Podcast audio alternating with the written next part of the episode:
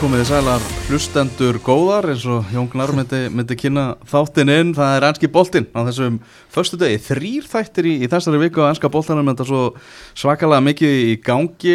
Sæpil Stænke, hann er á, á Breitlandsegum var á þessum leika á Old Trafford í, í gær. Og við, við sittum hérna þrýr á skrifstofunni. Elvar Gær, Gummer hérna. Sælir. Blessaður. Og svo er uh, sérstakur gestur, það er uh, Magnús Haugur Harðarsson Maggi Hött, velkomin. Já, takk kjærlega fyrir það Herru, þú varst á, varst útið ekki? Jú, ég fór og, og, og kerði aðeins mína menn í ganga á hérna, Liverpool Everton á, á Anfield og það var ótrúlega upplöfun út af fyrir sig, ég farið tvísar áður kannski ekki nægilega oft en, andrúsloftið fyrir hennar leik varirinn í rámagna út af því að hérna, mikið undir báðum liðum og svo framvegis. Mm svo fengum við, vorum fjóri saman, fengum óvænt að fara með í koppstúkuna að- og það var fánadagur og allt í gangi og hérna Gekja Já og það var hérna, þetta var bara ótrúlega upplegin og tímapunkti var bara eins og, og hérna, það nötraði allur, allur, allur völlurinn og þetta var bara geðveikt sko, þannig að Nákvæmlega, jákvæð úslit þar ekki þessari viku, við komum á því að á eftir að við ætlum að byrja hins vegar á Evrópadeildinu og, og þessum, þessu umspili fyrir 16 liða úslit Evrópadeildarinnar það er einhvern veginn svo fárlegt með að við stærðina á leiknum, dómarinn frá því úslitaleik meistaradeildarinnar, dæmi gær og allt saman að þegar allt kemur til alls þá var þetta umspil fyrir 16 liða úslitin þar sem að Manchester United tók á móti Barcelona í, í gær. Bara fyrst þetta einví gummi bara fyrir áhorfandan skemmtarnagildi svakalega hátt. Uh, Já, bara vá Það var ótrúlega tveir ótrúlega fótballtaleikir uh, fyrir leik, leikurinn uh, öðrulega einhver skemmtilegasti leikur Európa-boltans á þessu tímabili. Setleikurinn náttúrulega í gær var uh, ekki mikið síðri fannst mér, fannst hann ótrúlega skemmtilegur líka og gæðin alveg bara ótrúlega mikið inn á vellinu mm -hmm. Það var ekki burður fyrirháleikur hjá Manchester United í, í gerðins Nei, þetta var svona, mér finnst þetta frekar passíft og svona kannski með því hvernig hérna, Ten Hag nálgæðist útileikin, þá kom mér svolítið óvart, en aftur á mútið kemur að í Evrópu keppnum þá ertu stundum aðeins passívari og, og annað, en það kom mér óvart út af því að hann hefur ekkit verið að fara í þennan leik í rauninni, að vera passífur og aðeins að halda liðinu sinu öðrlítið tilbaka og svona taka aðeins minni sjensa mm -hmm. en það síndi það svo í, í setni hálfleik þegar þeir fóru úr blokkunum sínum og, og fóru að spila eins og þeir hafi verið að gera síðustu vikur og þá átti fannst mér Barcelona lítinn séns ef það sé verið alveg hreinskili með það. Og, og ég menna í þessum tveim, uh, tveim leikjum að þá að þá náttúrulega hefur domgæslan kannski líka halla á United. Og hann að mér finnst það gott afreg fyrir þá og gott afreg fyrir Ten Hag og svona stuðnismenn sérstaklega. Ég átti nú nokkra fulltrúa móðu fjölskyldum minn er United fólk sko ah. afi 84 hann fór á öllin í gæði með mömmu og bræðrum og, og, og sískinu sínum og annað þannig að ég var mjög ánægð fyrir þeirra hönd að það fengi Ah. alveg leik og, og ég talaði nú við mömmu í morgun og, og hérna, hún sagði að- lætin hafi verið rosaleg og það er nú sagði næsta bæjar þegar það gerist á Old Trafford Já, og þeir voru búin að spila svolítið inn á það þeir voru búin að tilkynna það að það er engin lög spiluð í hátalarækjörfinu 15 mínútum fyrir leik, það átti bara að heyrast í áhörundum og, og það virtist virka en, já, en Barcelona kemst náttúrulega yfir í svona leik softvíti. Já, ég ég veit ekki það, ég, veist, ég, er, ég er ekki hlutlaus í þessu máli og ég satt hana heima, ég stóði í gær og ég var bara frekar trilltur að sjá þennan dóm sko, sérstaklega í þessum leik það er svona mikið undir Bruno Fernandes býður svolítið upp á þetta með, með að tóa svolítið í hann en mér finnst það alveg virkilega, virkilega soft dómur hjá, hjá frakkanum. Já, hann var svolítið mikið að flauta í, í fyrirháleik svo virtist hann svona einhvern veginn reyna að breyta línunni í setni ég held að hann ætla frakkar eru hérna aðeinsjúkir Já, Ég held að hann ætla að taka svolítið þannig póluna á þetta og séðan kannski bara séð þess að þetta er mjög soft víti býður upp á þetta, það er auðvelt að dæma á þetta. Mm. en ég menna United átti að vera búin að fá dóma með sér í svon leik og í fyrirleiknum og svo framvegis. Þannig að já, þetta er, þetta, já, þetta er mjög soft en eins og ég segi þetta kemur svo ekkert á óvart þegar Barcelona á í hlut í miður. Þetta er einhvern veginn þannig en mér veist að fólki í umræðinu og annað fara alltaf í þetta, UEFA Lóna og allt þetta. Ah, það er ekki þeir sem stjórna þessu það eru dómara leiksins og, og, allt þetta. Og, og hérna betra liði vann þetta einvi 100% og hérna Barcelona liði ég, ég er svona ekki droslega hrifin af því per se með ef við tökum um bara svona hvernig Barcelona hefur staðið síðustu ár Mhm. og fyrir hvað þið standa í dag og fyrir hvað þeir stóðu einu sinni. Já, sem lið fólksins, sem lið svona þú veist, Katalóna og allt þetta það er algjörlega búið að henda öllum þessum gildum í burtu finnst mér og, og mér finnst sálinn og, og, og allt bara svona svolítið farið frá klúbnum já. Félagin náttúrulega undir rannsókn núna verið að tala um mútumál eitthvað, eitthvað dómaradæmi var að leggja eitthvað pening hérna inn á forman dómaranemndarinnar á, á Spáni. Og þessi vítaspinna var ekkert að hjálpa því máli held ég sko. Nei.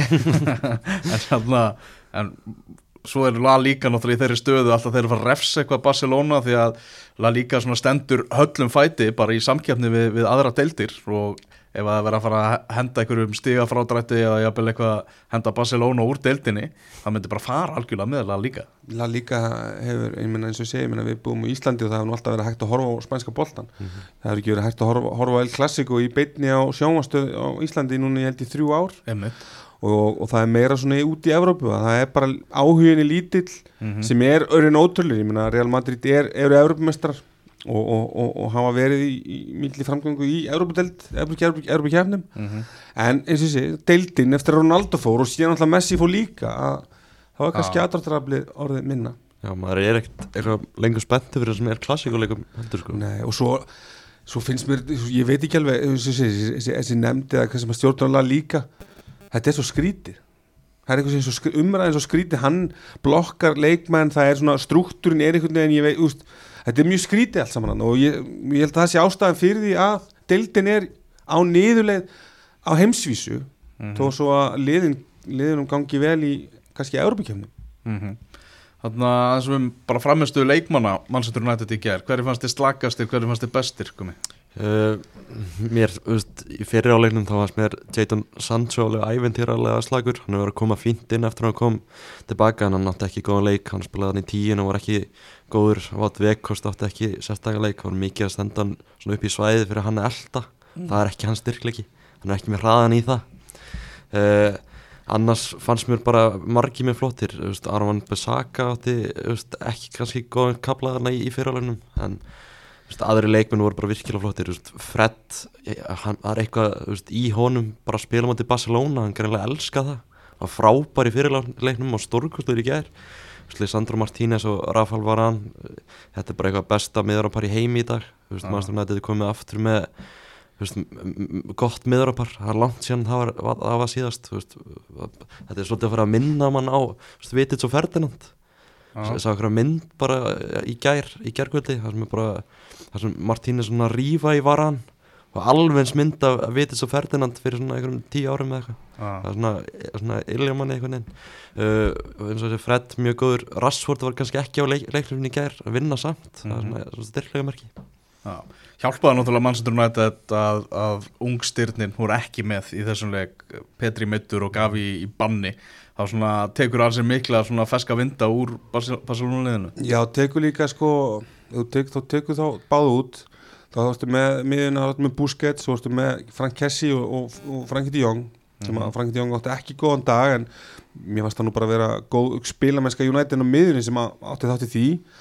Að þá tekur og tekur svolítið þessi hlaup fram á við út úr því.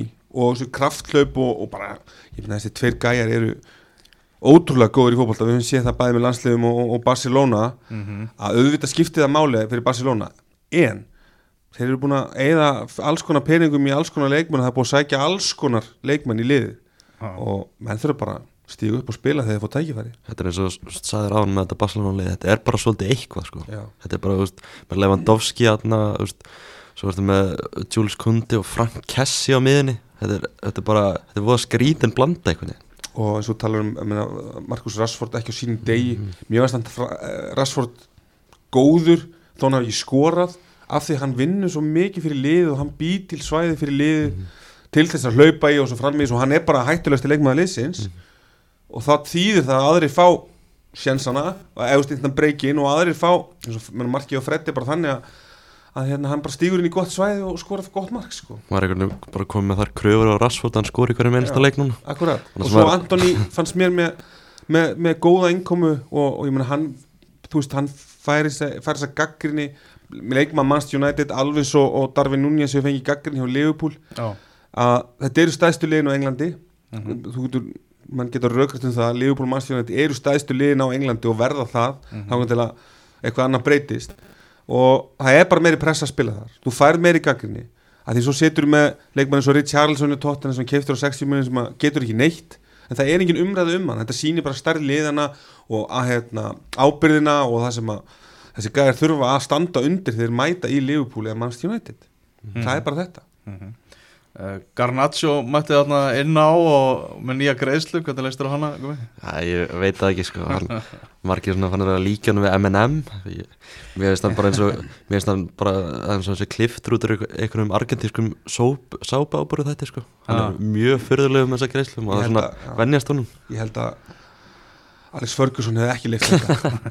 Og ég er ekki að segja að Ten Hag hann hefði var örgulega mjög ósað því sko, ungi leikmenn, við höfum séð í genn tíðina spiliði fótbolta, einbyttið ykkur af því hætt, þegar þið verðið mögulega einhverja stórstjörnur þá getið þið farið að vinna þess mér í lúkinu Mm. sleppu þessu þangað til. En svo var með stæla á Instagram líka eftir þetta sko, það var hann uh, tók fagnið hans Petri og, og byrti mynda því hann þegar hann mynda svona kíki með, með höndunum sagði að uh, stóra liðið hefði farið áfram úr, úr þessari viðrækn og hann, hann var náttúrulega í barnaliðum Atletico Madrid á sinni tíma, en hann er alltaf greinlega ekki með það á stefnusgrónu að fara mikið í Barcelona í framtíðinni. Nei, ég veit ekki hvort maður er að hafa áhyggjur á þessum stælum hjá Garnetso það er greinlega miklu stælar í honum. Maður er líka að sjá hann á, á TikTok hann að dansa hann hjá honum. Hann er mikið í því og hann mikið svona hugsa í lukkinu og svona maður veit ekki hvort maður er að hafa áhyggjur á, þessu í framhaldinu. Að með hún stendur undir þessu eins og ég segi, ég meina líka að segja það að hann sé búin að standa undir einhverju hæpi, hann er búin að spila vel hann sé er búin að eiga hörmulega leiki inn á milli sem er eðlilegt, hann er 18 ára gammal að hérna, þú veist verðum í hugaði fótbollan og, og hérna, leiktu svo þegar að þú ert búin að e, átt inn í stað fyrir mm menn er að hlaða lofi á, á Ten Hag og ég held að það hafi nú ekki skemmt fyrir honum þessi myndbyrting það sem að vara í rauðvinni með Ferguson sjálfum bara í, í vikunni. Og Smækel var hérna bara, sagði reynilega bara margt sem að Ten Hag var að gera myndi sig að mörguleiti á, á Ferguson. Spurning hvort að án þess að annars, annars sem Smækel sagði líka hann sagði hérna, mér er eiginlega nokkuð sama hvort að fara einhverju byggar á loft á þessu tímabili. Bara aðal málið er að liðið sé að taka framförum og það er greinilegt að það er í gangi. Að liðið er að fara snær því að geta mögulega á næsta tímabili eða þar næsta baristum sjálfan enska mestarættitur Já, ef þú tekur bara uppgangin og, ég meina hann tekur ekkit viðninu þrótabúi að mínumandi, Mm. hann er með lið sem að inni heldur varan og fleiri leikmenn og, og þú veist þetta, það sem hann hefur að mínumandi gert vel er að hann er búin að nota leikmenn Rassford, hann er búin að koma þessum strákum stað, af stað, hann er búin að kaupa Casemiro mm -hmm. sem að maður, þú veist, mér finnst eða ótrúlegt að Real Madrid bara missi hann í rauninni. Mm veist, ef United hefði keitt Frenkie de Jong síðust sumar þá var Casemiro náttúrulega ekki í liðinu sko. þá væri United ekki á þessum stað í dag. Mm. en það sem er búin að líka virðist er búin að gera og það sést áþræðanlega er hann er bú, búin að búa til liðsheild. Og það er eins og talar um hérna, Martínez og, og Varan með stöðuleika varnar með að spila leikmönnum aftur og aftur og aftur og þetta, allt þetta, þetta skiptir bara allt máli. Að þú ert ekki að miðverðinir þú vilt að þeir spila hver, ein, hver, hver einstu mínúti í öllum leikjum ef þið geta. Þú ert ekki að ringla í því. Saman með markmann og helst með bakverði. Það hefur aðeins verið smá ringla á bakverðunum en með miðverðina þetta er hryggjarsólan, Casemiro spilar alltaf leikin nema það var í bannið, allt þetta að það er svona hryggjarsóla sem kemur upp sem er stóðin í liðinu. Mm. fyrir mig byrjun tímabilsins þá Þannig að tapar United á móti Brighton í fyrsta leik og svo tapar 4-0 til Brentford. Og þá var fólk, gárangurinn fann að kalla hann Erik 10 months, hann myndi bara endast í 10 mánu en hann er heldur búin, betur búin að snúa dæminu við og er bara að sína það að hann er líklega einhver besti stjóri í Evrópu, besti stjóri heimsins og, og veist, sem United manni þá hefur manni ekki liðið svona síðan Ferguson tók við, veist, það voru góðu kaplan með Mourinho og, og Solskjaer en hann er að búa til eitthvað og maður sér það og maður er bara virkilega spenntur fyrir því sem koma skal. Framöndar er náttúrulega bara úslitaleikur Deildabyggasins á sunnudaginn hjálpar klálega Manchester United að Nick Pope fekk þetta, þetta rauðarspjald og þau þurfa að leita hérna í, í engan annan en Karius vinn okkar. Já, það er- þetta er þetta fimm ár síðan að hérna, hann átti hræðilegan dag í, í Úkræðinu mm. og hann hefur valla að spila leik síðan hann var eitthvað í einhverju flakki og annað. Auðvitað er það svolítið leiðilegt og, og allt þetta með þessar reglur í, í hérna, í deildabikar alveg sem með Casimiro fekk hann ekki rauðspjald í deildabikarnum? Já, og fer þá í þryggjalíka banni ekki, er það er ekki ekki með Krista Ballas Já, og sama með Já, Bruno hérna hjá Newcastle og svona. Uh, hann færði rauðspjald í deildaleik Mm. á það að skipta máli inn í næsta, ég veit það ekki en aftur á móti kemur þegar brotið er svona ömulegt eins og, eins og Nick Pope gerir þarna, bara mistök sem að kosta sig og lið sitt, það var alltaf að refsa mönnum en, en ég, ef ég væri Newcastle maður, þá myndi ég bara byrja höfuð þátt, fara á Wembley, hafa gaman og vona það besta. Já, Þetta í hát uh, tók svona þann pól í hæðina bara tala um hvað fótbolti væri svona skemmtilegur, það er allt fullt af sögum og þetta með Karius einhvern veginn þetta átt að gerast, þarna fær hann bara tækifæri til þess að bara endur skrifa sögu fyrir síns, eiginlega bara í, í einum fótboltaleg og bara sögu í þessum nýja uppgangi þar og, og hérna, en eins og ég segi að ég, ég er ekki bjart sitt fyrir hans hönd. Bara svona svona, ef þú tekur sjálfströst og allt og markmenn markmann, markmann stað á að vera einn mikilvægt stað vallarins. Þannig að menn gætu gengið á lagið. Mm.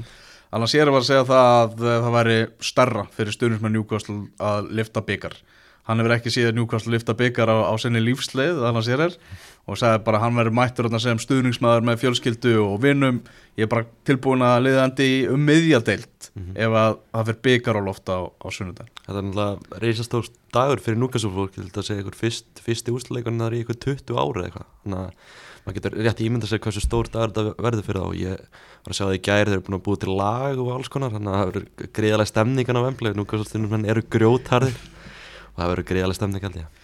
Já, ég var að að lesa það líka þegar fóri í þessu úslítalegi eitthvað fyrir 20 árum og eitthvað. Það var hérna, það var hefðin svo að það var alltaf hérna svona sigur hátíð eða hátíð, svona sigur ganga sem að opin rúta og eitthvað. Sama þráttur að liðið myndi tapa.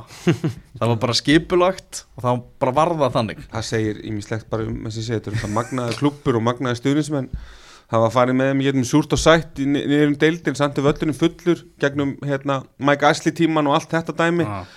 Að það er mjög auðvelt að samgleðast hérna, njúkastlega samfélaginu uh, að vera komin í ústaleik í mikka músbyggarnum. Ég fór hann á Já. Tottenham Newcastle fyrir á tímabilinu. Já. það var svona, það var heima allir Tottenham og veist, þeir allra hörðust en allra ferðast í útileikinu á Newcastle. Og þeir unnið hann leik 2-1 og ég held að í, á síðustu tíu myndunum hafi allir, allir stundum verið búin að rífa sig úr og hann. Mm. og alltaf verði ekki þannig á að þeir verða yfir á 8000 Já, þú talar um Mika Mús byggarinn þetta er náttúrulega Karabá, Orkudrykja byggarinn, byggarinn númer 2 þarna. Og þetta er risastór úslitaleikur í svona ekki minni byggar því að náttúrulega nánast fram á úslitaleiknum þá eru liðin að spila stóru liðin að spila bara ungum leikmönnum og varamarkverðinum sínum og allt það í gegnum þessa kefni Já, þetta, er er byggar, byggar er byggar og þú þarfst að fara í gegnum hérna hvað, fjóra leiki og, og, og þú getur komist í Európa-kefni og, og síðustu ár hafa, hafa þú veist, sitt í vanandi náttúrulega hvað fjóra röð og, svo vinnur liðupóliti í fyrra þannig að stóri liðin hafa verið að taka þessa kefni mm -hmm. uh, þannig að en eins og segi, Newcastle getur notið góðs af því að, að United var að spila hana leik í gær og þú veist, þetta er bara eitt leikur, það er allt undir. Spennustig um, þjálfararnir, leikmennirnir stuðnismennir, þetta, þú veist, allt þetta spilar inn í allt sem er að gerast og, og undirbúningur og, og allt þetta að hérna bara þetta er bara það lesi mætir og, og, hérna með spennustig rétt stilt að það að klára leikin, ég finnst nú líklegt að United gerir það með við svona þeirra framgöngu síðustu vik, vikna. Já, það verður þessi leikur á, á, á sunnudaginn og e, það er náttúrulega ímislegt fleira sem var að gerast í þessari viku í Evrópu, svona í gær Juventus vinnur Nancy og, og, og kemst þarna áfram. Róma kemst, kemst áfram mútið Salzburg, það er ekkert svona sem að það var bara þessi leikur í gær sem var stóra málið í, í, í gær. Já, algjörlega, það kemur svona smá orð að að Róma hafa að koma tilbaka en bara vel, vel gert á þeim. Eh, gaman að fá Marino náttúrulega áfram í þessari keppni. Eh, komið svo- smá orð þarna Union Berlin, eða kannski kemur mann ekki óvart að Union Berlin klára Ajax 3-1 og fer áfram Ajax úr leik Ajax ekki á gott tíumbil En Union Berlin hins vegar eiga frábært tímabil Union- og bara í harðari baráttum Þýskalandsmeistaratitil. Já, og náttúrulega þetta er rosa barátta í Þýskalandi. Þrjú lið núna á tóknum Bayern hér, Borussia Dortmund og Union Berlin með 43 stig öll.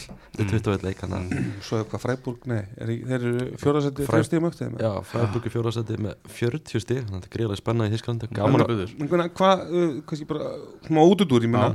Uh, tísku deildina og, og sjáuð hérna liðin eins og sé, Union Berlin er hérna og kringum Bayern og, og Dortmund og svo er Freiburg hérna réttir í niða, ég meina hvað, af hverju, af hverju er Union Berlin þannig? Nákvæmlega. Það er mjög góð spurning sko. Og ég sé tvo leiki með þeim í tísku deildinni og þetta er bara ótrúlega flott lið, vel þjálfað. Þetta er ekki þekktustu leikmennir en eins og ég segi, þeir búið bú, bú, býr til liðseild Mhm. og það er að spila svolítið á sama liðinu aftur og aftur og, og þeir missa ekki dampin þó þau séu í þessi Europakefni Mhm. þeir eru líka standa sér vel þar þannig að þetta er bara ótrúlegt að fylgjast með þessu. Þetta er greinlega mjög vel drilla lið að eins og segir, maður þekkir ekki eitt einasta nafnana sko, maður, Rani Kedira, maður þekkir hann bara út af bróðu sinum sko, annars þekkir maður nánast ekki neitt sko.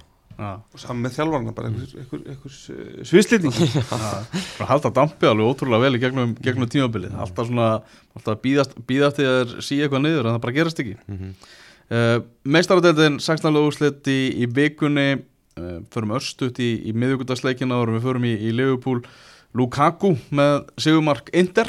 Já, uh, eh, 1-0 á móti Porto. Já, hann gera, kemur hann inn á sem varmaður og skora síðumarki, uh, maður sá eitthvað framkvæmdastur indur og að tala um hann væri og þungur, það, það er svona frekar fyrirlegt að að þetta er einhvern veginn fram á sig. bara svona, the curious case of Romelu Lukaku hans ferill í rauninni. Ah. þetta er ótrúlegu ferill en svo sem með félagslegu manna þetta er einhvern veginn eins og sé hann keiftur hann aftur Chelsea og aftur farin að lán meina, Chelsea er að lána 100 miljón punta mann til liðsinni keift hann. Það meikar ekkit sens. Og meðan er ekki talað um neitt annað heldur en að Chelsea vanti nýju sko. Akkurat, þannig að þetta er, þetta er ótrúlega fyrirlegt og eins og segir, svo verðist hann ekki verið í formi það er alltaf sama talið um það og, að, hérna, en ég held að bara, eins og segir, gott fyrir Inter, gott fyrir Lukaku að, að svona setja margsitt á leikin og, og hérna, en ég svona kíkti á svona hæglætt segja svona leiknum manna að það verðist mér endilega vera sangið núslit fannst mér. Ég hef svona verið að pælið með Lukaku og bara hvernig hann mér gengið að ná sér eftir þetta heimismjöstramót, hann síðast að leika á, á mótunni á Belgum, það er bara rosalega þetta sem ég sé sko. það, það, það mun sitt í honum það bara deyr sko. Já, að það sé alveg, alveg hérna, örugt. Mér finnst þetta portáli skemmtil, Flava kom sér sjá þjálfarlýsi, mér finnst þetta mér finnst hann alltaf mæta með liði í meistaröldina þó hann fari kannski hitt lengur en 16 áslutin það eru náttúrulega leikmenn og við sjáum sem hafa verið keiftir í stóru deildir bæði frá Benfica og, og Porto að hérna, það er alltaf mér finnst alltaf skemmtild að sjá bæði þessi lið spila fókbalta þetta er við galopið og, og skemmtilegt að sjá Pepe en þá þannig í Porto. Alltaf gaman að sjá Pepe. Þannig að Manchester City gerir annað jafntöfli sitt í röð, gerir þetta jafntöfli á móti RB Leipzig og eftir að svona var, líða, lí, var liðið á, á fyrri hálfleikin og horfið á þetta og hugsaði bara þetta er bara Manchester City er að fara að sigla bara þægilega einhvern veginn í, í gegnum þetta. Miklu meira með boltan og síðan eh, komast þeir náttúrulega yfir í, í leiknum. Ríad Mare skorar en svo rísa þarna alvöru hafsenda markja hjá Guardiol í, í teiknum á 70. mínút og jafnar þetta 1-1 áhugavert að Manchester City gerir ekki breytingu í leiknum, gerir ekki skiptingu samt með Phil Foden og Julian Alvarez þarna bara á begnum ég veit ekki á hvaða vegferð Pep Guardiola er nákvæmlega mér finnst að vera þetta, er kla- mér finnst þetta klassist uh, Pep að mér finnst að vera of hugsa hlutina. Já. hann er líka að reyna að finna upp hjólið aftur með þessari uppstillingum sínu á 3, 1, 4, 1 og þetta. Hann er einhvern veginn finnst, hann of hugsa hlutina alltaf á einhverjum tímpúndi og núna finnst mér að vera að því uh, móti Nottingham Forest auðvitað hann hérna klúra endar svo döðafærum og allt það. En síðan ferði inn að leika mútið Leipzig það sem að út, út í Þýskalandi og, hérna og annað þetta mark sem að Guardiol skorar er stórkoslegt búin að sjá okkur að mynd það sem að hendurnar er á aukslinn á Ruben Díaz. Þetta, þetta er ekki brot. Er- hann setur hendurnar þannig komin upp í hæðstu hæðir bara aðeins að tilla sér. Þetta er bara mark, auðvitað sitt ég að fá víti í leiknum og allt það, en sittilið er ekki eins klinikal og þeir voru og hafa verið síðustu ár. Þeir eru ekki að klára þessa leiki. Þú veist eins og eh, eins og bara það Liverpool og Manchester City í ennsku deildinni að þau skiptis bara, þau eru unnu bara unnu til skiptis aftur og aftur og aftur fram og tilbaka. Menna, Liverpool er, er einu stíu eftir þeim tvisasinum með yfir 90 stíu og allt þetta. Svo sérðu deildina nú- hvernig hann er núna að City lið er ekki eins klinikal og þeir voru. Mér finnst það skrítið með City og sáum þetta líka gerast á mútið Arsenal um daginn það komast yfir þar verða svo bara einhvern veginn litlir í sér. Tóttanleikurinn, þú veist Já, hvað var hann að gera það? Akkurat í bróinu á bekknum spilaði bara fucking Kevin De Bruyne alltaf maður, guðminn almáttu það var alltaf ansið mikið lofhugsun það er mjög skrítið ákvörðun. Og og sagðir alveg í þessum leik þú veist, fyriráleikurinn ég heldur að tíu marktilunir gegn 0 og voru 80% með boltan setnáleik þá leifa er einhvern veginn bara Leipzig að taka stjórnuna og Leipzig skora bara verðskulda jöfnumark og ég Já. áttu skilja að fá jöfnablu úr þessum leik. Og verðmiðin á, á Guardiol hækkar enn frekar. Þetta er hafsend sem að við höfum eftir að sjá eitt daginn í ennsku úrvasteldinni það er bara spurning í hvað liði það er. Ég er bara vonandi að hann, hann kom í ennskúrúsleina bara eftir þetta tíumbil og vonandi bara kemur hann til Liverpool. Já, af því að þetta er bara eða, þú veist, öll lið getur notað hann. En eins og ég segi, hann hefur aðeins starrað við Liverpool í hann, svona childhood liðið hans og okkur svona. Mhm. og kannski tölum Liverpool eftir að, að hérna, ég væri, hann væri draumur að fá hann inn í, inn í allan að Liverpooli. En þetta er opbóðslega góð leikmaður. Maður hefur talað um Chelsea en ég skil ekki alveg hvernig Chelsea að kaupa Chelsea bara kaupir hann. Þeir náttúrulega voru eiginlega búnir að kaupa hann. Já, en það, ég veit ekki nákvæmlega söguna hvað gerist þar en, en Leipzig, ég held að Leipzig hafa bara stað og sín og sagt nei verð með hann að hljóta verið einhverjar 100 miljonur efra eða eitthvað sko. Það er erfitt fyrir Chelsea að landa honum í, í svona ástæðunum sem félagið er í núna eftir að hafa kipt alla þessa leikmann Mhm. maður sá að stundum uh, að leikmenn mann þetta sitt voru ansið svektir svona beint eftir leik og Guardiola var veginn að reyna að stappa stálinu í menn bara þarna út á velli helt svona stuttan liðsfund bara þar. Ég meina 1-1 í Þýskalandi þegar ég að klára þetta á heimavelli. Já, ég held að setnileikurinn verði ef allt er eðlilegt, verður hann svolítið formsatriði. Mm.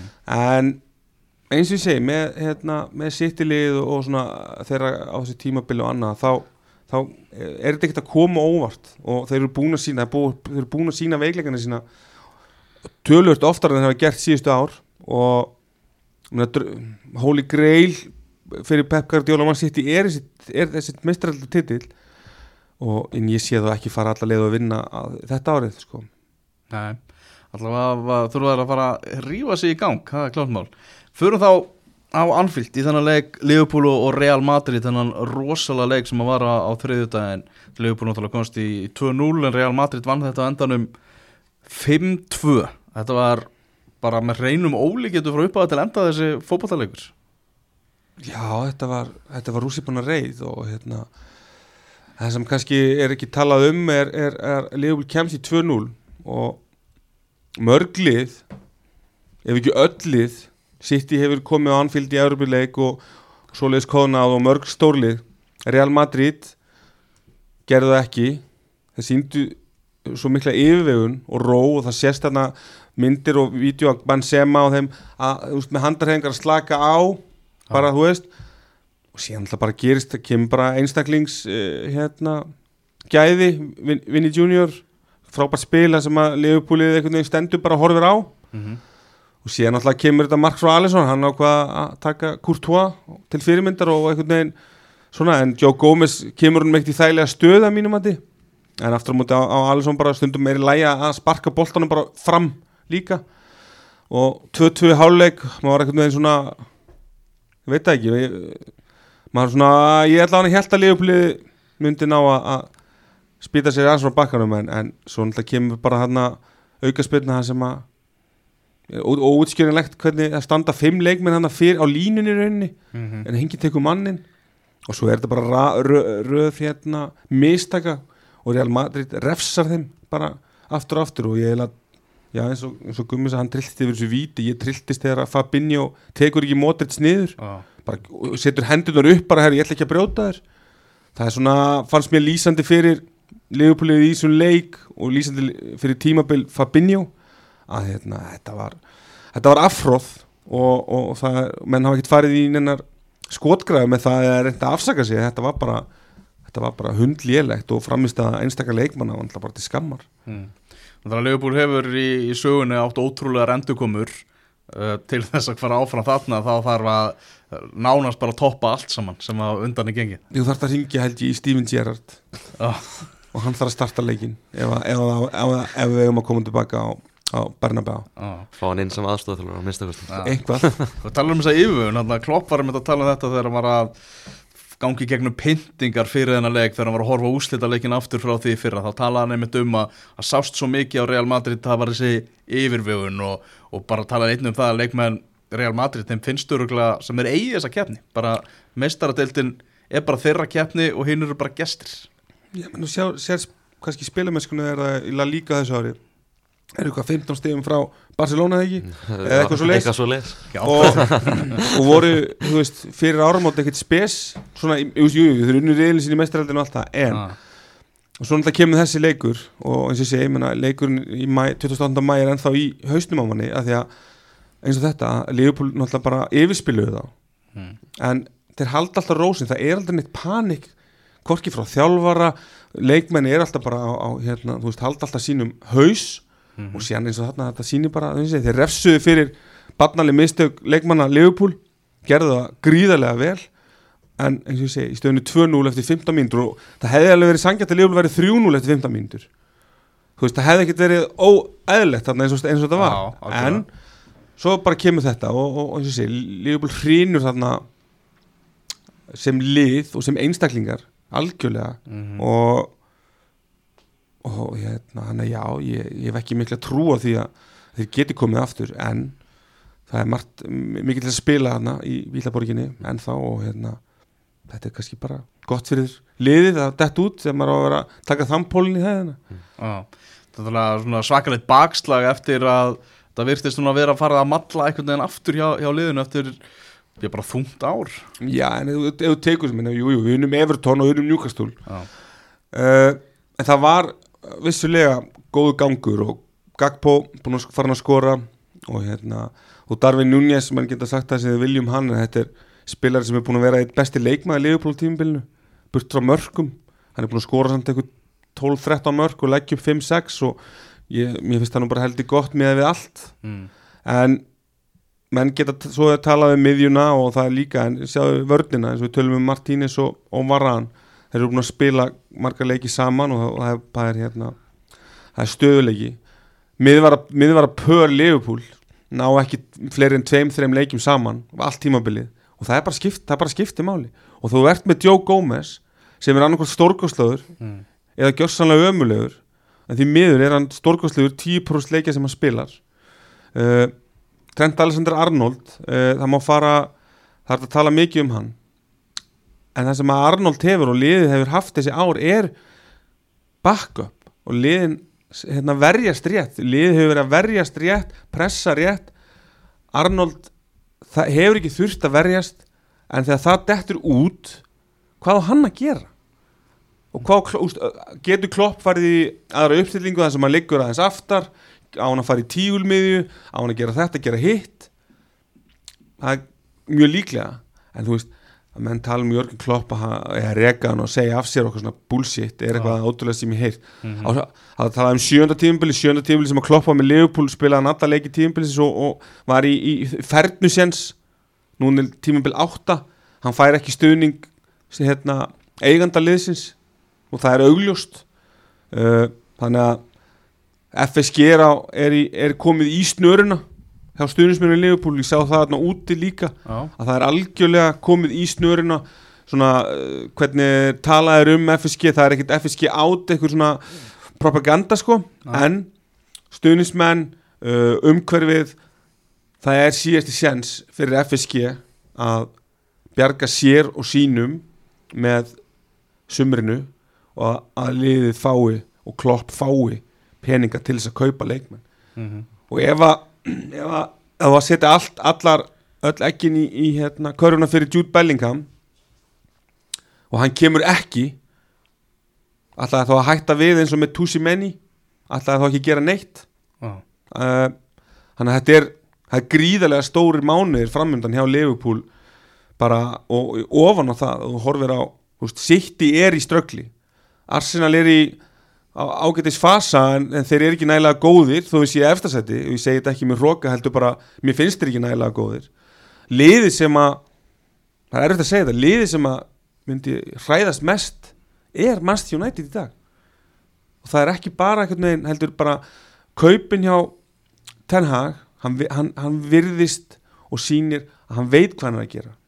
Hann er ekki bara að kaupa leikmenn af því að heita hitt og þetta eða til þess að kaupa leikmenn hann er að fá leikmenn sem eru góðir og hann veitir styrkja liðið sitt. Ekki styrkja liðið sitt á næsta ári eitthvað svoleiðis, bara prúfin spilarar sem að koma inn í liðið og síðan gerir hann leikmennina betri sem að hafa verið hann til staðar. Þú veist, eins og sé, Van Bissaka er alltaf fara að spila. Diego Dalot er ekkert spes leikmenn hann performar, góði þjálfarar Alex Ferguson, Jörgen Klopp. Og virðist vera Erik Ten Hag allavega eins og staðin er núna er að ná því besta úr leikmennu sem myndi ekkert endilega ná spila vel fyrir önnu lið. Þetta er það sem að gerir góð þjálfari. Þjálfari, ekki manager, þjálfari gerir þetta.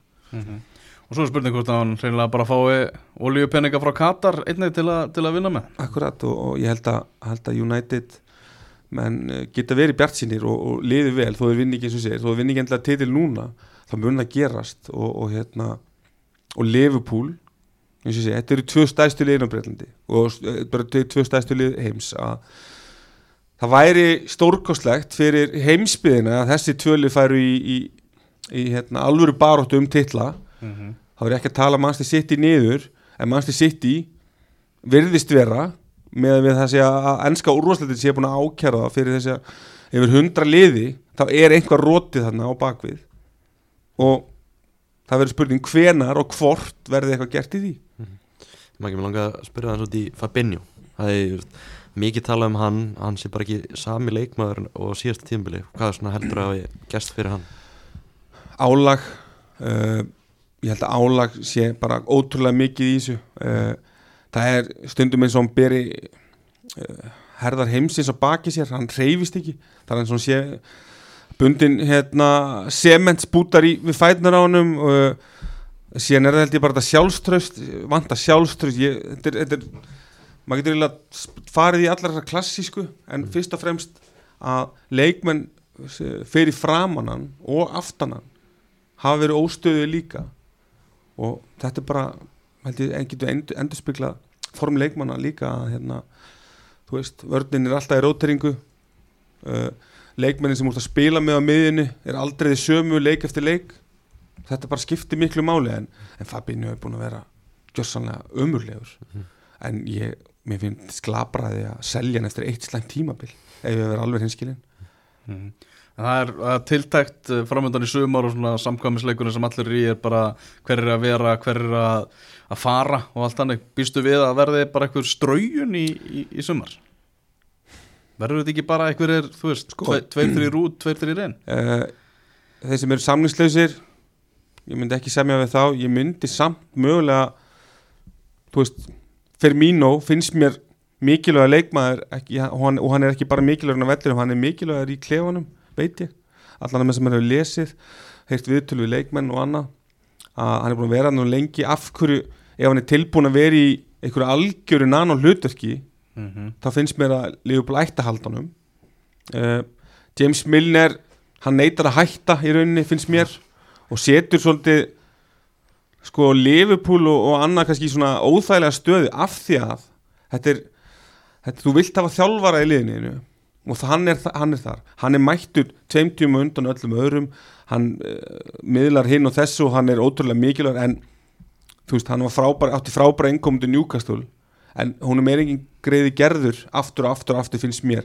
Og að vera alltaf vera backup fyrir hægri bakur líka svo ertu með Keita og Oxley Chamberlain þú veist, þá bara segja takk, takk fyrir mig og bless, það er ekki meira takk fyrir ekkert. Takk fyrir ekkert en Uxin því miður, hann alltaf komin á frábært raun það er hann stútur öll í hnén á sér hann um til Róma. En síðan ertu komin í kannski þessa leikmenn eins og Joe Gomez Sjól Matip uh, Fabinho Jordan Henderson uh, hvað átt að gera við það? Mm -hmm. Leopold er aldrei að fara Jordan Henderson er alltaf að vera, vera áfram. Það er, veist, það er alltaf þannig. Uh, en svo er, er þetta hvað ætlar að gera við Harfi Elliot og þessa gæja líka? Harfi Elliot held ég þurfi bara að fara að lána aftur. Svona ef við verðum hinskili með það. En já ég meina ef að seljum Joe Gomez og Matip Guardiola, svo ertu kannski með ungan. Með hvernig Basetic er að spila það held ég að við þurfum ekki að kaupa þrjá miðumenn ég held að sé nóg upp á tvo sem er þá Jude, Jude Bellingham og ég er mjög hrifin að að reyna við Mason Mount.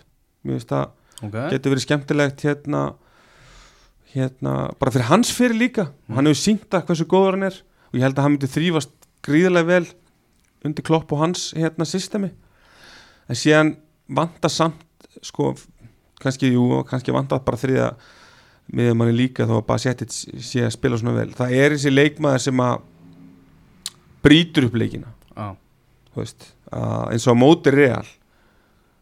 Ég horfði á bekkin sjóta og, og, og hérna, fyrir mín að koma inn á. Þeir eru ekki að fara að gera það. Veist, ekki, ekki eins og maður myndi vilja sjá það. Hver, hver er komin á miðuna James Milner kemur inn á og, og hérna, Harvey Elliot kemur svo inn á setna hann er að þú veist það vantar leikmann eins og Coutinho var fyrir Liverpool bara fyrir þangað, það er ekki verið þannig leikmaður. Mhm, en þessi leikmenn eru svolítið degjandi tegund. Svona leikmenn sem koma inn á fýbla 1, 2, 3 og, og, og allt þetta, þeir eru svolítið að fjara út finnst mér. Og, og þetta er orðið meira áttur. Þú veist, tíjan er svolítið bara degjandi staða finnst mér. Og lið eru farin að spila þannig. Þú veist, eins og Bruno Fernandes. Þú veist, um, bara tölfræðin hans er, er lígileg sem miðjumæður og hann, honum er oft spilað út á kanti og annað. En hann kemur, þú veist, hann þetta er svona já, það þarf að fara heldur djúft niður og, og svo ertu líka að kaupa, þú ert að kaupa miðvörð, þú ert að kaupa Guardiol, þú ert að kaupa hægri bakvörð. Þú veist, Trent verður að fá bakvörð sem veitur nú samkeppni. Já, En þú veist, ef Liverpool kemst ekki í meistaröldina er, þú veist, er Jude Bellingham þú veist, þá ekki ómögulegur kostur? Nei, ég held ekki. Ég held það er eitthvað sögur núna um það að Jude Bellingham sé bara þrátt fyrir Dabur gengi Liverpool bara mjög spenntur fyrir klubnum og Jörgen Klopp. Virðist vera að hann, hann virðist hafa óbóðslega gott, gott fólk í kringu sig. Já, og það er fjölskyldan hans við höfum séð allt og marga leikmenn eh, bara fá, ég er ekki að segja að hann eigi að fara í leifupúla því að, þú veist, jú, ég vil það en, en það er líka bara hv- hvað er gott fyrir þinn fyrir, á hann að fara í Real Madrid, ég held ekki. Mm. veist, á hann að fara í Manchester City? Ég held ekki, ég held að vera ekki gott fyrir hann. Hitliðið sem væri fínt fyrir hann væri mögulega Manchester United eða Arsenal eða eitthvað þannig í, í eitthvað þannig, en hann virðist vera hann er, hann, hérna, hann er klár. Hann virðist vera með hausinn mjög vel skrúaðan á, hann er, hann er 19 ára. Þetta var eitt besti leikmaður heimsmeistaramótsins besti leikmaður búndislíkunar og búin að vera besti leikmaður meistaralletar í ár Mhm. og hérna hann virðist vera að hafa gott hól í kringu sig þannig að hann tekur vonandi bara rétt ákvörðun saman hver hún er Mm. en ef að ef að Liverpool fær hann ekki þá verður mjög fróðult að sjá hvað Liverpool gerir af því að það virðist vera sem þeir eru búin að ákveða að Jude Bellingham sé veist, þeirra leikmaður og verði þeirra leikmaður og Klopp virðist líka þetta- og það er alltaf svona umtalið og, ekkert plan B í, þeim málum. Nei, og, og, klúburinn og, og Klopp hefur líka verið þannig að hann hefur ekki notað plan B af því að ef hann fær ekki þá leikmenn sem hann vill þá hefur hann bara notað það sem hann hefur. Já, það er það sem maður hræðist alveg líka en ég held að, eftir þetta tímabil að þá sjáum við mögulega breytingu og menn kingi svolítið stoltinu sínu líka og, og hérna og það verða breytingar, já. Mm. Fróð að sjá hvernig svona liðið mun svara þessu uh, annað kvöld, það er kvöldlaukur í ennsku úrvarsleildinni Crystal Palace Liverpool. Er það leikur sem þú óttast? Selus Park er, er, hérna, er snúin staður Já, en Liverpool hefur nú alltaf gengið vel á 7-0 fyrir ekki svo löngu unnið 3-1 held ég fyrra og það er þessi eini leikur hérna 2014 sem að, sem að hérna, fór kannski ítla en svo er þetta palaslið einhvern veginn svolítið hauslaus hér finnst mér ofta tíðum en, en þeir, þeir eru bara hættulegur að heimaðalli það er nú bara, það hefur verið þeirra saga í gegnum þessa League tíð sína undir Hodgson og önnum að þeir hafa náð góðum úslitum alltaf á heimaðalli Mhm. þannig að já, jú, ég Leopold þarf að vinna rest til þess að til þess að hérna ná held í fjórasettinu vinna rest. Það er það er, það er alveg verkefni. Þannig að var verið að draga núna bara meðan eh, við vorum að spjalla í 16. úrslit Evrópudeildarinnar og þar er Arsenal að fara að mæta Sporting Lissabon og Manchester United er að fara að mæta Real Betis. Þannig að, hefði maður geta fengið öldra leik já, ennsku, ennsku liðin að fá svona nokkuð strempið, þetta er svona svona banana hýðis leikir eiginlega, náttúrulega leikir sem er eiga að klára en, en þeir þurfa svo sannlega að hafa fyrir þessu. Aðri leikir aðna Róma mæti Real Sociedad, Shakhtar Donetsk Feyenoord, Leverkusen Ferencvaros, Juventus mætir Freiburg uh, Se Ú, það er óvert Sevilla mætir Fenerbahce og svo er Union slagurinn, það er Union Berlin á móti Union frá, frá Belgíu sem er, sem er hérna einnig. Uh, annar leikur er náttúrulega í meistaradeildinni á þriðjudaginn Napoli.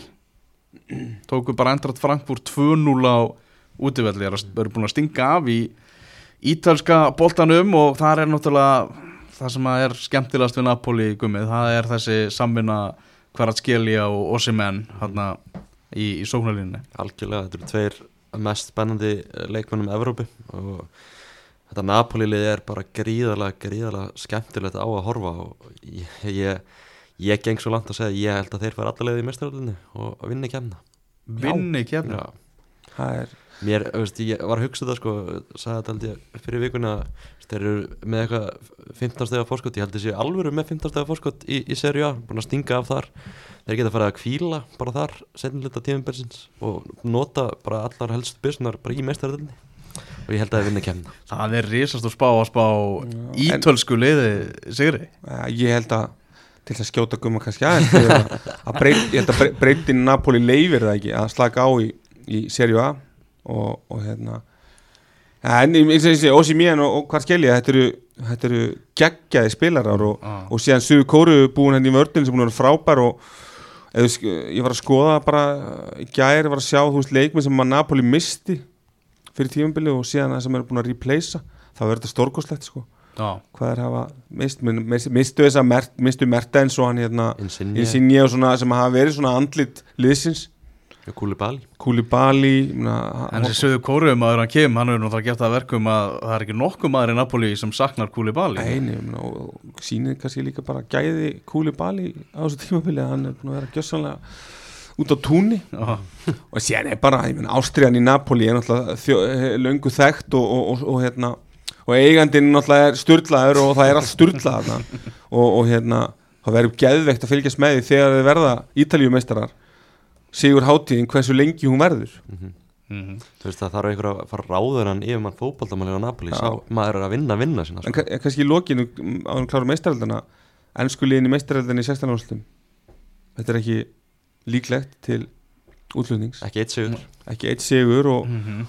og tekur Tottenham Asi Milan hérna, ég meina Asi Milan liðir í ströggli. Tottenham liðir náttúrulega er eins leðilegt og lélegt og, og það er, finnst mér að, að horfa á það að spila er, er, hérna, er bara, finnst mér að pína á kvöl.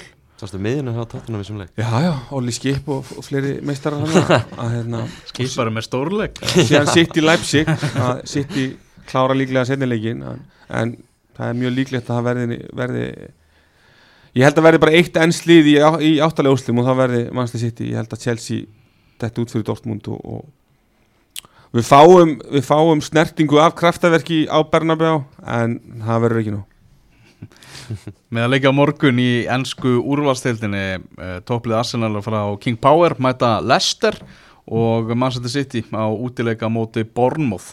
Þetta eru að fara að setja tvo á báða þessa leikimaki Eh, nei, þú setur þú setur tvo á hérna, þú setur X á City leikin og þú setur einn á einleikin X á City á móti Bormáð Þannig hann er að fara að gera svona tíu breytingar. Hann er að fara að spila Tveir, þrýr, fjórir, eitthvað Og, og hérna Dominic Solanke, hann dreifur stíði Fyrir Borma Bara til þess að hafa, hafa, hafa, hafa, þetta gaman En ég angriðist, þá var hann er að fara að gera Hann gerir svona sjö breytingar Á Mm. liðinu. Og, og hérna Og takturinn verður þannig að Bormáð kemst yfir og, og þeir ná að klóra tilbaka. Og Holland, ég meina hann finnst hún bara frábæra umræða hérna, hvort að Holland gerir sitt í betra eða ekki, Já. eða hvort að allt þetta, þó hann sé búin að skora þessi mörg, Mhm, en hvað er hann að gera fyrir uppspil og hvað er hann að gera annað mhm. en að skora mörg það má alveg hérna skoða það en, en sittilið er, er geggja, það er ekki það en, en eins og ég segi, mér, mér, lí, mér líður allan að fylgjast með Guardiola að hann sé í komin inn í, í st- heilan sinn helvíti djúft Mhm. ég ég segja bara Guð blessi fantasy spilar hann að fara að rista vel upp í liðinu í rauninni sko Mögulegt að Thomas Parteyes nú aftur hjá Arsenal á, á móti Leicester það er svo erfitt að giska á þetta Leisterlið þegar þeir eru í gýrnum þá eru þeir hörku góðir. En þeir eru ekkert alltaf oft í honum. Þó þeir hafi tapað þarna hvað 4-0 um United mm.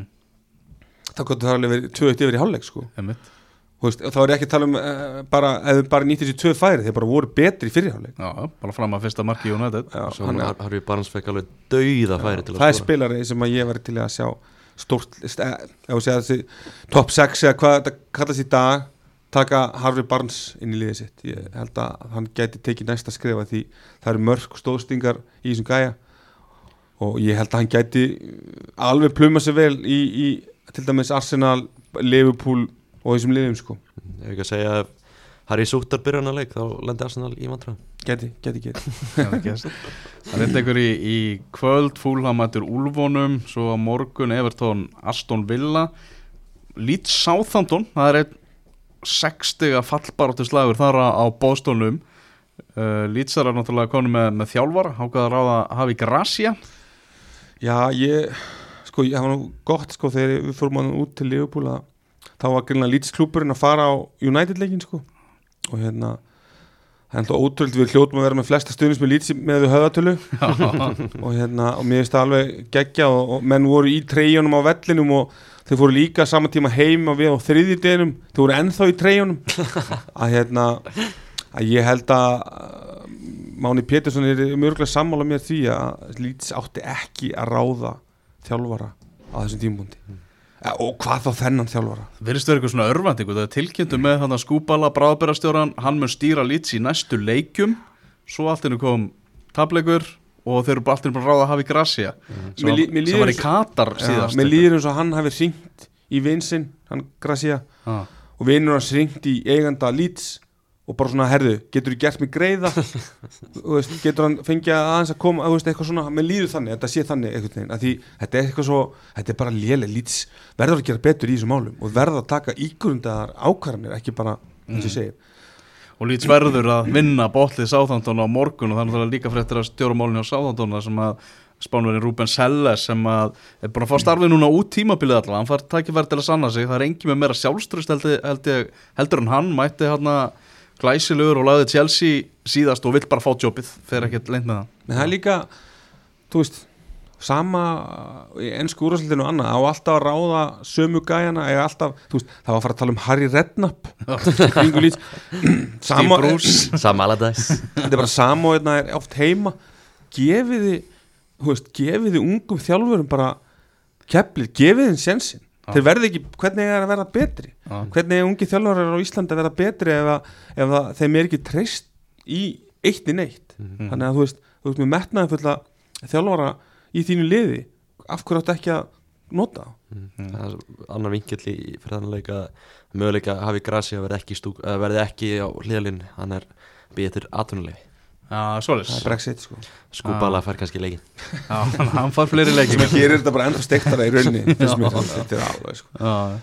Vestham er að fara að taka á móti Nottingham Forest og búið að tala um það að það sé mögulegur bara úrslita leikur fyrir David Moyes, einhverjir stundins með Vestham sem að vilja fá Michael Carrick sem hefur verið að gera aðtækksvara hluti núna með Middlesborough í Championship-deildinni en ég held að hann sé ekki að fara að stökkva frá Middlesborough núna þegar þeir eru í þessari baráttu sem þeir eru í Championship. Það er ógislega spennandi ráning samt að maður er verið að lesa um það sem Karrik hefur verið að gera með Middlesbró hann er bara að gera virkilega góða hluti og svona áhugaðra pælingar og svona að en svo segir ég erfitt fyrir hann að stökkva á borru á þessum tímpandi ég held að þetta verði Steve Cooper sigli sigurinn um heim David Moyes uh, hérna tekur pókan góða og, og minn maður Rafa Benítez held ég að mæta fara þarna sko. Já, eða þú veist það er svona það er ekki dólíklegt Nei, það verðist vera lenskan, eða þú veist, það er einhvern veginn bara mjög líklegt að það gerist, sko. Já. og hérna, og þetta verstamlið um, þú veist, ég menna, það er auðvitað að halda bara vera með sér þátt um það hvað hvað gerist, en þetta er bara Nignun Moise á Everton er ekkert ósvip og svo sjáum við bara hans fyrir eftir það og, og hérna að hérna, verstamlið ef maður segja að það hefur overperformað og, og svo verðast menn bara ekki nenna þessu Ok. nenni ekki að hlaupa. Gerði þetta samt, þú veist, tvö tímabili í röð að koma að vera í svona Evrópubart og svona kaupa er alveg mikið í sumar fáist Skamakka og Lukas Paketa sem eru búin að bá, báður alveg frekar slagir að gerð líka í vörnina og svona og eru núna í átjönda sæti með 20 stík og þetta, hjálpaði mig ekki. Vermiðin á Declan Rice, hann lækkar. Já. þó þeir falli ekki en enda hérna það ef, að- ef að Everton væri í top 10 þá er, getur við fengið held ég jú, jú, 80 miljónir eða hvað er. En ég held að, að þeir get ekki ef þú veist, þetta mun enda svona. eða þessum nótunum og þá, þá geta fá, það kannski 50 fyrir hann Já, ef, ef þeir falla veist, hversu veist, heimskir voru það ekki að selja hann bara síðasta sumar þeir eru ekki bara að fá veist, 100 miljonir punta fyrir hann í Champions-delni sko. Og síðan má alveg ræða Dekla Ræs og hans gæði hvað hann gæti gert fyrir, fyrir stórtlið sko. Ég er ekki samfæður ennþá um að hann geti það Það er að vera svona hávar og hávar að Arsenal ætla að leggja nánast alla áherslu á það að fá hann í, í sumar. Væri ekki til að fá hann í liðbúl í staðan fyrir Fabinho? Nei. Ég, er bara, ég, ég er ekki seldur á Declan Rice af því að hann er búin að vera í sínu komfortzónu hann uh, í einhvern veginn, eh, hann átti að pússa á sölu eftir síðastíðinbil Mhm.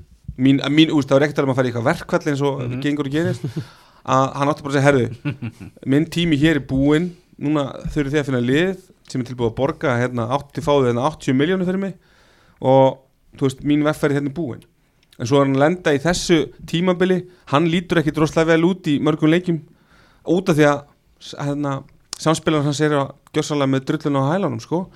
Þannig að ég ég er ekki seldur á Declan Rice ennþá. Mm. þannig að hérna, eins og ég segi eitt, eitt slægt tímabili Fabinho eftir fimm frábært tímabil þú þarfst að vera verri aðeins lengur í mínum bókum Það er að segja leikur í, í deildinni á, á sunnudaginn út af náttúrulega þessum úrslita leika á Wembley. Það er Tottenham Chelsea. Það er nú alveg svona þokkalega, þokkalega stór leikur.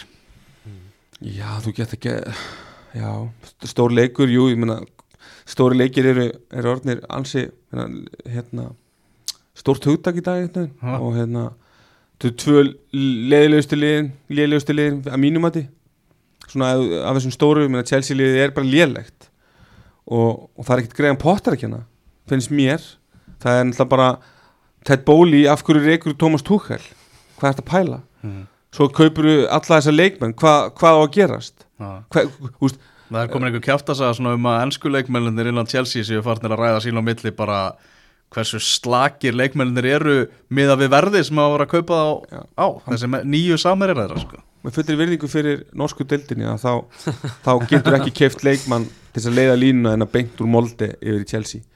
Það bara, það, það virkar ekki þannig og Chelsea er í tíu þetta sæti, þetta er alveg með En þeir núl hafa- í markatöru 23-23 er markatalega Já, þeir hafa samt sloppið við ótrúlega gaggrinni út af því að Liverpool er alltaf bara í áttundasæti en Liverpool ef þú, horfir á tö- töfluna eða vinna þess að tvo leiki sem er eiga inni á Newcastle sem er í fjórðasæti er, nú, jú, Newcastle er í fjórða. Já, það er núkislega í fynda, hvað er þá munið það mörgum stöðum? Einum, tveim? Það, veist, þá ef Leopold vinnur þessar tvo leiki sem þeir eru enni þá er einu stíð frá mestrarðsett Ég er, ég er að segja það, þannig að þá kannski fer eitthvað að gerast að Chelsea einhver umræða en ég menna, þetta er, úst, það er ekki bóðlegt að horfa á þetta Chelsea lið Það er svo að segja með David Dadro Fofana hann sé að Chelsea er eitt sem ótrúlega miklu fjárað með leikmenn og hafi ekki kipt þeir almenna strækjar, það er ótrúlega og svo er 100 miljón pundum maður í láni og eindir að þetta er opaslega skríti og, og hérna, ég þekki nú góða Chelsea menn og, og þeir eru bara eru orðni þannig að þeir einhvern veginn bara lifta bara aukslum sko. Mm. af því að eins og Greðan Potter er einhvern greiði gerður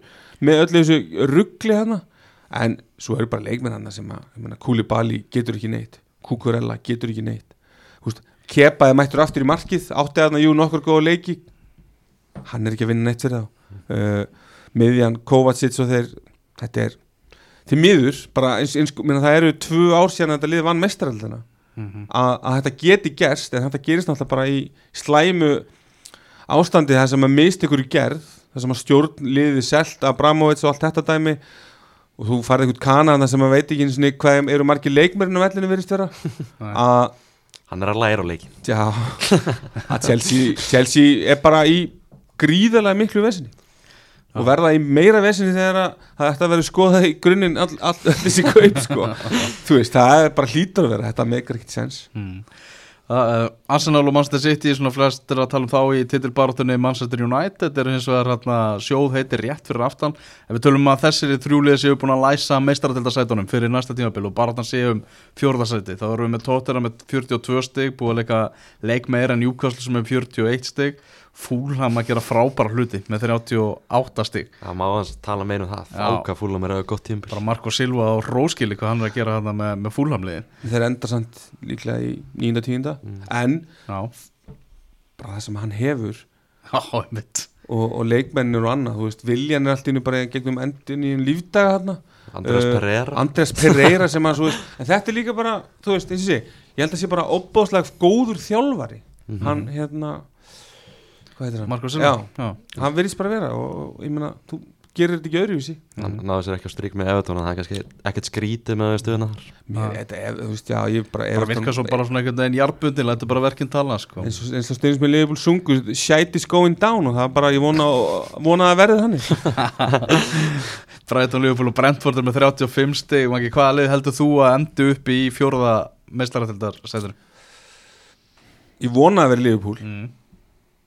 Og og ég held að verði liðbúl ef við varum alveg hinskilinn af því að þeir gæði liðbúl liðsins eru bara ómikil til þess að til þess að klúður þessu finnst mér.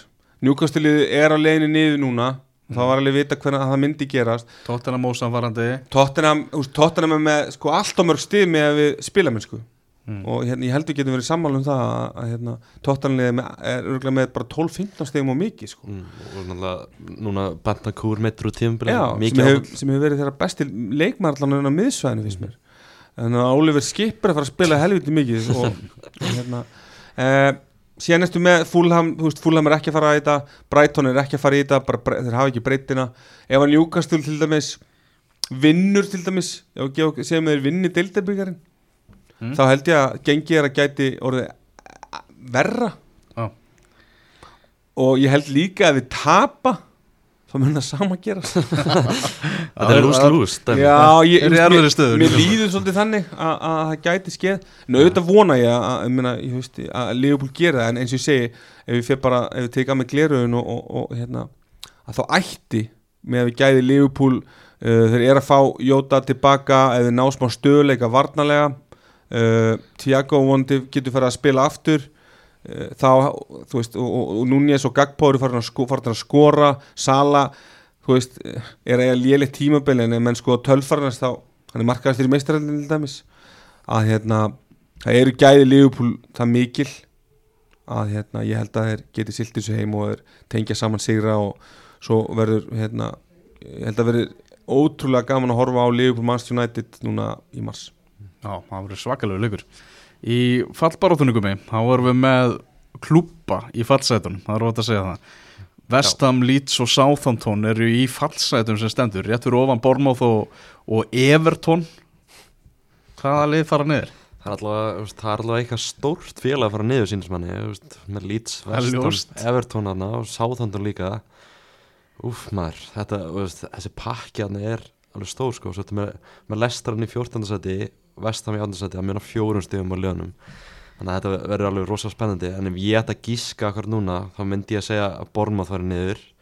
Forramennansku úrvastildar eru örugglega mest til í að Bournemouth fari niður Já, ég held það, slísust á eitthvað sigur hann að síðustum fyrir um til Wolves á eina marktilinu og skoruður henni uh, ég held að lent í vandræðum maður ma finnst eitthvað svona smá stjórnleysi þar og e, bara, liði lítur ekkert rosalega vel út þannig að Bournemouth, ég held að Leeds og aðna já, ef ekki bara að segja vestan farið niður með ég ætla að segja að hann og fá staði ég held að, Bjargis já, ég held að Sáðandón væri sé, af þessum liðum sem eh, er þarna séu best stakk búnir til að fara niður í eitt tíum og koma beint aftur upp.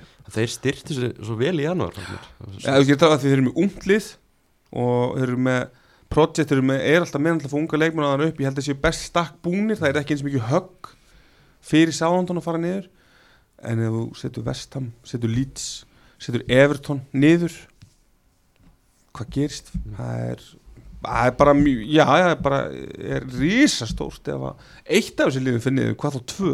Mér líst ekkert á þessu hugmynd að veist, Vestam Reykji Móis og ráði Benítez þessi stað Ég meina, þú færð ekkert þú færð, þú veist, þú færð ekkert mikið meira Benítez er bara að fara hérna að reyna að játna fyrir markið og þú veist, þú ert ekki að fara að fá neitt meira þannig að þú verður að, þessi lið þurfa vestamina, ok, Moisjú gerðið vel í tvö tíma bil og allt það en þessi lið, þau verða að fara að setja upp einhvers konar framtíðarplan og þú veist, spenna bógan hærra þegar kemur að ráningu stjóra David Moyes er bara sem aldrei fyrir dóttin í það einmitt að reyna að játna fyrir markið núna.